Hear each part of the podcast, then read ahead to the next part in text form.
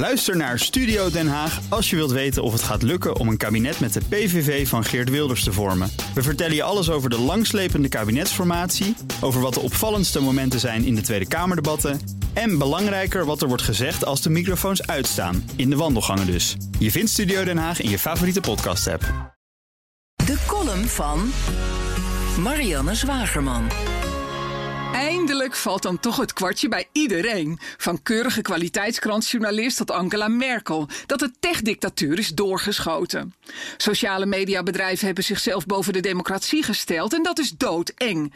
Maar nu moeten we even opletten dat er niet iets voor terugkomt dat net zo eng is. Want al is democratie de minst slechte bestuursvorm, van techdictatuur naar overheden die zich met de inhoud van sociale media gaan bemoeien, is van de regen in de tsunami. Media zijn te belangrijk om aan politici over te laten. Als Michelle Obama, Hillary Clinton en Sigrid Kaag juichend een rondedansje doen op de rokende puinhopen van het Twitter-account van Donald Trump, is waakzaamheid geboden.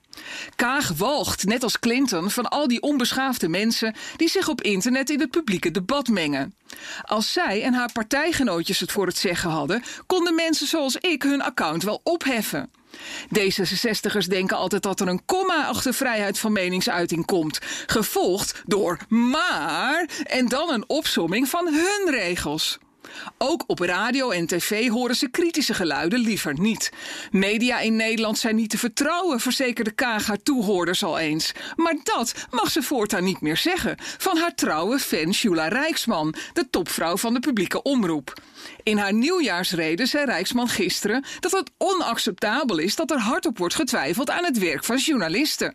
Die memo had ik even gemist, eerlijk gezegd. Sinds wanneer zijn journalisten boven alle twijfel verheven? Ik heb er een aan om hardop te twijfelen aan het werk van journalisten.